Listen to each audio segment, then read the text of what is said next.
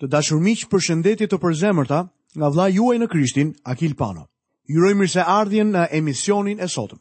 Ju kujtoj që jemi duke studiuar në fjalën e Perëndisë së gjallë. Në emisionin e kaluar kemi përfunduar studimin tonë mbi kapitullin e 8 të Ungjillit sipas Gjonit. Sot do të fillojmë menjëherë studimin tonë mbi kapitullin e 9 të këtij Ungjilli. Temat që ne do të shohim dhe do të shqyrtojmë në këtë kapitull do të jenë këto. Jezusi hap sytë e një njeriu të verbër që nga lindja. Regjistrimi i mrekullive dhe reagimi ndaj këtyre mrekullive. Në kapitullin e 8 pamë që Zoti ynë sapo kishte bërë bisedën në lidhje me dritën e botës. Lavdëroj Perëndinë që Krishti, Jezusi është drita e botës. Judenjtë kërkonin ta vrisnin për shkak se ai shpalli që ishte Perëndi. Te kapitulli 8 dhe vargu i 59, vargu i fundit në këtë kapitull, pamë që Jezusi u largua midis tyre. Ishte një mrekulli që i shpëtoi kësaj turme të irrituar. Ora e Jezusit për t'u ngjitur në kryq nuk kishte ardhur ende. kështu që nuk mund t'i shtrinin duart mbi të për ta kapur. Ngjarja që vjen tani është në të vërtetë një vazhdim i bisedës në lidhje me çështjen Jezusi është drita e botës. Armiqtë e Zotit nuk mund të shihnin sepse ishin shpirtërisht të verbër. I verbëri nuk mund të shohë, madje edhe atëherë kur i qëndron përpara drita e botës. Por do të vijë një ditë kur Jezusi do t'i zbulohet. Të verbrit duhet t'i kthehet drita që të mund të shohë. Duhet marrë drita. Duhet të ekzistojë një dhënës dhe një marrës drite gjithashtu. Për ta kuptuar më mirë, le të shohim çështjen e zhurmës. Nëse në pyll bie një pemë, por aty nuk ndodhet askush për ta dëgjuar, A mund të themi që ka zhurmë? Përgjigja është se ekzistojnë valë zanore, por për aq kohë sa nuk ekziston një vesh për t'i kapur dhe më pas për t'i interpretuar, nuk e dëgjon askush si zhurmë. Duhet të ekzistojë patjetër një marrës. Mungesa e shikimit nuk do të thotë që mungon drita. Drita zbulon gjendjen e syve. Drita e botës zbulon gjendjen e shpirtit. Farisenjtë mendonin se shihnin, por në fakt ishin të verbër. Në një qytet të Amerikës tregohet një histori me vënien e një eksplozivi. Eksplozivi i futi njerëzit që ndodheshin aty në një errësirë totale. Kur skuadra e shpëtimit po përpiqej të fuste dritë tek ata njerëz, një nga njerëzit më në fund tha: "Pse nuk e ndizni dritën? Të gjithë e panë të habitur dhe kuptuan se shpërthimi e kishte verbuar këtë person. Në errësirë, ai nuk e dinte që ishte i verbër. Por drita i zbuloi atij dhe të tjerëve se ai ishte verbuar. Këtë donte të thoshte Jezusi në vargun 39 të këtij kapitulli. Unë kam ardhur në këtë botë për të bërë një gjyq që ata që nuk shohin të shohin dhe ata që shohin të verbohen. Drita zbulon gjendjen e vërtetë të njeriut. Ata që janë të verbër, por që nuk mund ta kuptojnë dot, mund të mësojnë që janë në të vërtetë të verbër.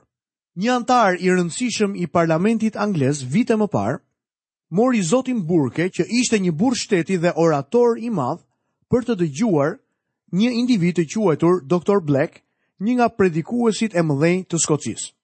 Predikuesi Black predikoi një mesazh të fuqishëm duke lartësuar Zotin Jezu Krisht. Pas shërbesës, miku priti reagimin e Zotit Burke për mesazhin. Më në fund ai tha: "Ai është padyshim një orator i madh, por a mund të më shpjegosh se për çfarë po fliste?" Ja, shohim një njeri të shkëlqyer që ishte i verbër. Përgjegjësia jonë është të përhapim fjalën e Zotit. Këtu përgjegjësia jonë mbaron. Është puna e frymës së shenjtë të hapë zemrën e dëgjuesit dhe ta bëjë atë t'i bindet fjalës së Perëndisë. Ne duhet t'u paraqisim njerëzve dritën e botës, Krishtin. Por fryma e shenjtë duhet të hapë sytë e njerëzve. Për këtë çështje flitet dhe tek letra e dytë e Korintasve, kapitulli 2 vargjet 15 dhe 16. Sepse ne jemi për Perëndinë, era e këndshme e Krishtit ndër ata që shpëtohen dhe ndër ata që humbasin, për këta një erë vdekje në vdekje, por për ata erë jete në jetë. Ne jemi njëlloj të suksesshëm, si kur i flasim një personi që kthehet tek Zoti, ashtu edhe kur i flasim një tjetri që nuk kthehet. Ne duhet të shkëlqejmë dritën.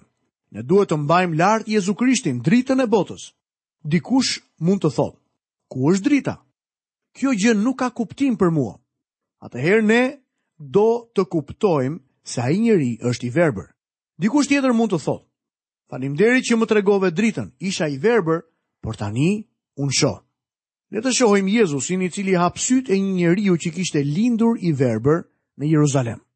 Lexojmë vargun e parë në kapitullin e 9 të Ungjillit e Gjonit. Kur po kalonte, pa një njeri që ishte i verbër që nga lindja. Logjikisht, episodi i këtij njeriu të verbër vijon pas deklarimit të mrekullueshëm të Zotit tonë, unë jam drita e botës.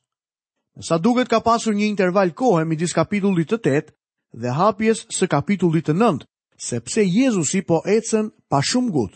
Fjala në vargun e parë na thotë kur po kalonte. Le të vështrojmë mbi regjistrimin e kësaj mrekullie. Ky është rasti i vetëm që Zoti ynë shëron një njeri që ka lindur i verbër. Lexojmë në vargun e dytë. Dhe dishepujt e tij e pyetën duke thënë: Mësues, kush ka mëkatuar? Ai apo prindërit e tij, që ai ka lindur i verbër? Dishepujt donin të dinin shkakun e sëmundjes së këtij individi. Ata donin të diskutonin se kush e kishte fajin, kush kishte mëkatuar. Në atë kohë, mund të jepeshin vetëm katër përgjigje. Paganët e asaj kohe si shumë njerëz sot, besonin në rimishërimin dhe mendonin se sëmundjet e lindura mund të ishin rezultat i mëkateve të kryera në ekzistencën e mëparshme. Judenjtë nuk e kishin pranuar kurrë këtë shpjegim, sepse ekzistonte argumenti tjetër, ai i trashëgimisë që mëkatet e etërve kalonin tek fëmijët deri në brezin e tretë dhe të katërt. Ne e dimë që kjo është e mundur dhe se verbëria në disa raste mund të jetë rezultat i mëkateve të prindërve. Pastaj ekzistonte gjithashtu edhe shembulli i Adamit, mëkatet e së cilit kaluan tek çdo anëtar i familjes njerëzore. Kështu që të gjithë iu nënshtruan vdekjes dhe sëmundjes. Mësuesit judenj besonin gjithashtu se një fëmijë mund të mëkatojë edhe në barkun e nënës. Lexojmë më poshtë në vargjet 3 deri 5. Jezusi u përgjigj, as ai, as prindërit e tij s'kanë mëkatuar, por kjo ndodhi që tek ai të dëftohen veprat e Perëndisë. Unë duhet t'i kryej veprat e atij që më ka dërguar Sa është ditë, vjen nata kur askush nuk mund të veprojë, derisa jam në botë, unë jam drita e botës. Shohim qartë që Jezusi nuk u jep atyre përgjigjen që ata kërkonin. Ai thotë se gjëja më e rëndësishme nuk është të hetosh të kaluarën e një individi për të zbuluar se kush është fajtor, por që ai njeri të shërohet. Ky është çelësi.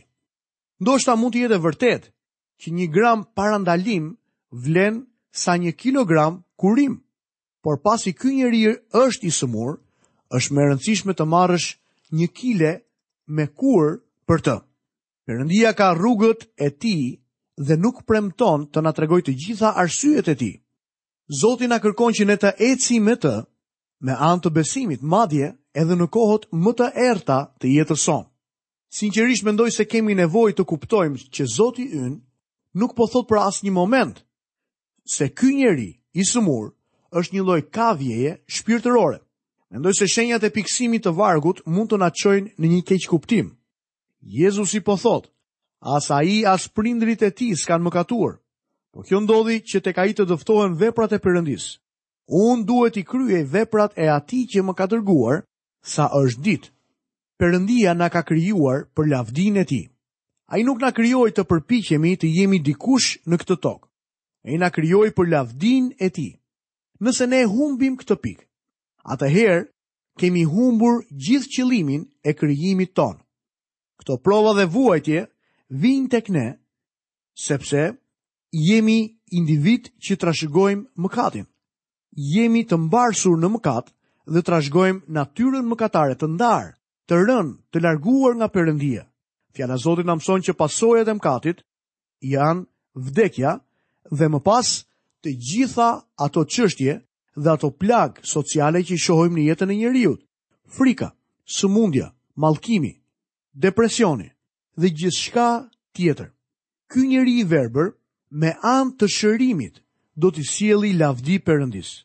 Me fjalë të tjera, unë nuk besoj që sëmundja në jetën e një individi është për t'i dhënë lavdi Perëndisë, por vepra që Jezusi do të kryente.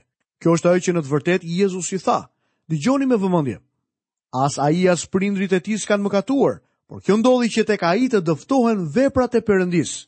Unë do t'i kryej veprat e atij që më ka dërguar sa është ditë. Cila ishte në këtë rast vepra e Perëndisë? Çfarë Jezusi bëri me të verbrin? Ai e shëroi atë. Jezusi i ktheu sërish të verbrit dritën e syve që ai mund të shihte, dhe kjo ishte vepra e Perëndisë. Përmes këtij shërimi, Perëndia do të merrte lavdinë. Tani Jezusi i kthehet deklaratës së tij origjinale. Unë jam drita e botës. Nata e bën të verbër të gjithë njerëzimin. Askush nuk mund të shohë. Krishti është drita shpirtërore e botës. dhe pa të, çdo njeri është i verbër. Për aq kohë sa është në botë, Jezusi është drita e botës. Ai është ende në botë sot. Jezusi vjen tek ne nëpërmjet personit të frymës së shenjtë. Për aq kohë sa biri i Perëndisë, nuk do të na hapë sytë me anë të frymës së shenjtë, që të ne të mund të shohim gjërat shpirtërore, do të mbetemi të verbër si lakuriqët e natës. Lexojmë më poshtë vargjet 6 dhe 7. Pasi kishte thënë këto gjëra, pështyu përdhe, bëri baltë me pështymë dhe leu sytë e të verbërit me të. Pastaj i tha, shko lahu në pellgun e Siloamit, që do të thotë dërguar, dhe ai shkoi atje, u la dhe u kthye duke parë. Krishti duhet ta prekë njeriun e verbër dhe njeriu i verbër duhet t'i bindet. Krishti duhet të prekë këtë botë të verbër dhe kjo botë nëse e lejon Krishtin ta prekë atë, do të shohë. Krishti duhet të prekë vizionin tonë shpirtëror dhe t'u sjellë jetë të re nervave tona optike shpirtërore që janë të vdekura. Çështja nuk qëndron se kush mëkatoi. Romakët 3:23 deklaron qartë, sepse të gjithë mëkatuan dhe u privuan nga lavdia e Perëndisë. Nëse Krishti nuk i ka prekur sytë e tu miku im, atëherë nuk mund të shohësh. Ka kaq shumë njerëz sot madje edhe në kisha që janë të verbër dhe nuk e dinë. Njerëz të ndryshëm më kanë shkruar duke thënë se duke dëgjuar prej shumë muajsh programet tona radiofonike biblike, krejt papritur u ishin hapur sytë dhe kishin parë, kishin perceptuar, kishin kuptuar të vërtetën e Perëndisë. Ka njerëz që qëndrojnë në dritën e fjalës së Perëndisë dhe thonë, pse nuk e ndez dikush dritën? Kështu bëri edhe Ponc Pilati. Ai pyeti, Gjoni 18, vargu 38. Cila është e vërteta? Ndërkohë që Ponc Pilati po qëndronte në prezencën e Krishtit, atij që tha, unë jam rruga, e vërteta dhe jeta. Ne duhet ta lejojmë Krishtin të na prekë, të prekë sytë tanë, në mënyrë që ne të mund të shohim. Do të vini re se Krishti e preku këtë njeri, edhe pse nuk mund të shihte. Pastaj, Jezusi i tha të shkonte të lahej dhe njeriu u bind. Ne mund të pyesim, Pse vallë Jezusi përdori këtë metodë për ta shëruar? Mendoj se ka disa arsye. Së pari, ky ungjill prezanton në të njëjtën kohë Krishtin Perëndi dhe Krishtin njeri. Jezusi sapo kishte deklaruar hyjninë e tij dhe pastaj shohim që prek njeriun e verbër si njeriu me njerinë. Së dyti, njeriu i verbër duhej t'i bindej Zotit Jezu Krisht nëse donte të shihte vërtet. Zoti e dërgoi tek pellgu që quhej Siloam dhe Gjoni na jep një shpjegim që Siloam do të thotë i dërguar. Edhe vetë emri i pellgut mbarte dëshminë që Jezusi u dërgua nga Ati. Jezusi ndoshta po i lë të nënkuptojë këtij njeriu se është dërguar nga Ati dhe në të njëjtën mënyrë Jezusi po e dërgon edhe atë. Njeriu i verbër kishte nevojë për ujë që të shikonte. Uji në shumë pasazhe të shkrimit përfaqëson fjalën e Zotit. Bindja ime e qëndrueshme është se nuk mund të ketë një kthim tek Zoti pa fjalën e Perëndisë. Psalmi 119, vargu 130 deklaron: Zbulimi i fjalëve të tua ndriçon dhe u jep mendje njerëzve të thjeshtë. Një argument tjetër është se judenjtë kishin nevojë për këtë dëshmi, sepse në vargun e 29 thonë: Ne e dimë se Perëndia i foli Mojsiut, sa për atë, nuk e dimë se nga është. Ata duhet ta shohin nga shërimi i këtij njeriu të verbër se Jezusi është njeriu Perëndi që u dërgua nga Ati. Mund t'ju them se mënyra e shërimit të këtij njeriu nuk është shumë e rëndësishme. Personi që e shëroi ka rëndësi. Krishti i hapi sytë e tij. Pjesa e njeriut të verbër ishte të besonte dhe të bindej. Jezusi përdori metoda të ndryshme për të shëruar njerëzit. Nëse metoda do të kishte qenë vetëm prekja, njeriu i shëruar do të insistonte se të gjithë do të kishin nevojë për eksperiencën e tij. Ai do të vazhdonte rrugën duke kënduar. Dora e tij preku timen, kurse Jezusi shëroi të tjerët duke mos i prekur fare. Turmat e njerëzve u shëruan vetëm nëpërmjet fjalës së folur nga goja e Jezusit. Ata do të insistonin duke thënë që nuk është e thënë të provosh asgjë, madje as prekjen e tij.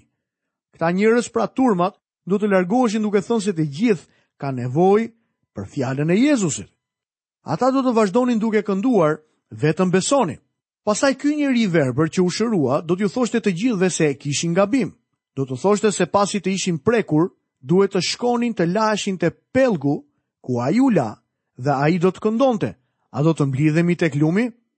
Ndoshta do të më thoni se është absolutisht absurde, e pakuptueshme dhe qesharake. Keni absolutisht të drejtë.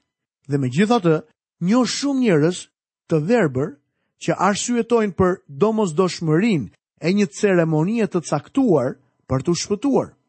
Gjithsesi më e rëndësishmja është që të vish te Krishti dhe t'i besosh atij. Gjoni 6, vargu 37, deklaron, atë që vjen tek unë, unë nuk do ta nxjerr jashtë kurrë. Personi i Jezu Krishtit është shumë i rëndësishëm. Dua të ndaloj këtu dhe t'ju tregoj se si i korrespondon gjendja e njeriut të verbër, gjendjes sonë si mëkatarë para se të shpëtoheshim. Së pari, njeriu i verbër ishte jashtë tempullit, larg Zotit. Mbani mend se apostulli Paul tha tek Efesianët kapitulli 2 dhe vargu i 12 që të gjithë ne ishim të huaj për besëlidhjen e premtimit. Ishim pa shpresë. Ne ishim pa perëndi. Kjo ishte gjendja e gjithë secilit prej nesh para se të shpëtohej. Pa perëndi, pa shpresë, i përjashtuar nga gjithçka. Së dyti, njeriu ishte i verbër. Ai nuk ishte i aftë të shihte shpëtimtarin.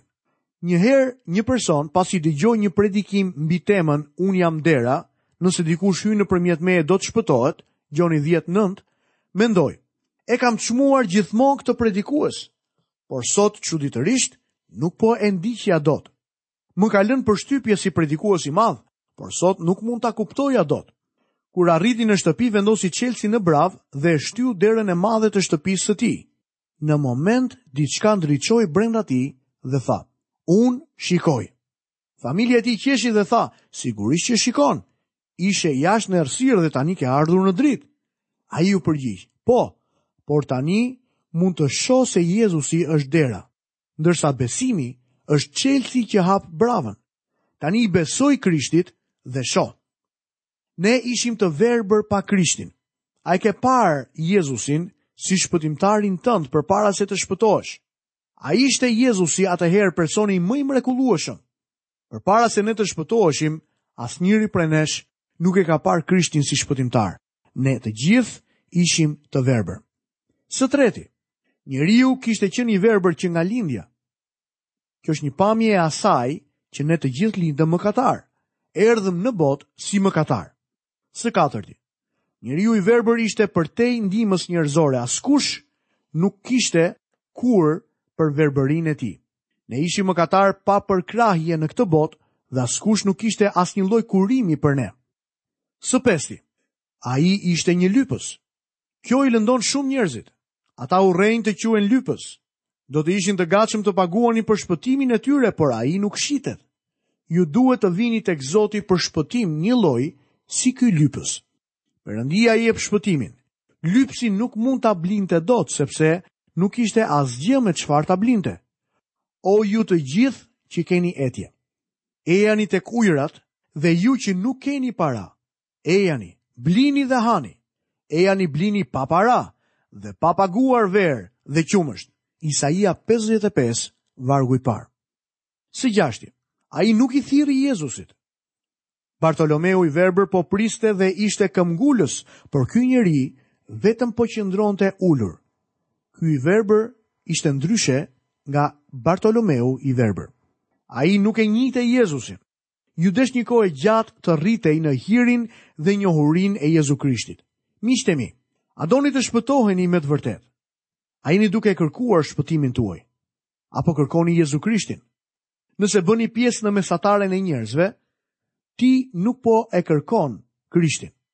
Përkundrazi nuk e kërkon, por ai po të kërkon ty. Kjo është historia e njeriut dhe shpëtimit të tij. Të tjerët nuk tregonin asnjë keqardhje për të. Judenjtë kalonin afër tij në rrugët e tyre për në tempull. Dishepujt donin të sillnin fakte në lidhje me të. Ata nuk kishin asnjë qëllim të tregonin keqardhje ndaj këtij njeriu.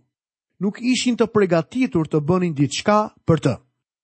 Kjo është një pamje e familjes njerëzore. Krishti ndien keqardhje për ne, dhe ai, Krishti, është i vetmi që mund të na ndihmojë, i vetmi që mund të sjellë shpëtim në racën njerëzore, shpëtim në jetën tënde. I dashur mik, këtu ka ardhur dhe fundi i minutave të emisionit të sotëm. Falenderoj Perëndinë që keni qëndruar së bashku me mua përgjatë minutave të këtij emisioni Dhe lutja ime për ju sot është që Perëndia të ndriçojë kuptimin tuaj në lidhje me Krishtin. Krishti është drita e botës. Sikurse ai hapi sytë e këtij të verbëri, Zoti Jezus dëshiron të hapë sytë e tu shpirtërorë, që ti të mund të shohësh realitetin e dimensionit të jetës me Perëndinë. Nga vëllai juaj në Krishtin Akil Pano, paçi të gjitha bekimet e Perëndisë dhe paqen e tij në jetën tuaj. Bashkë mirudëgjofshim në emisionin e ardhshëm.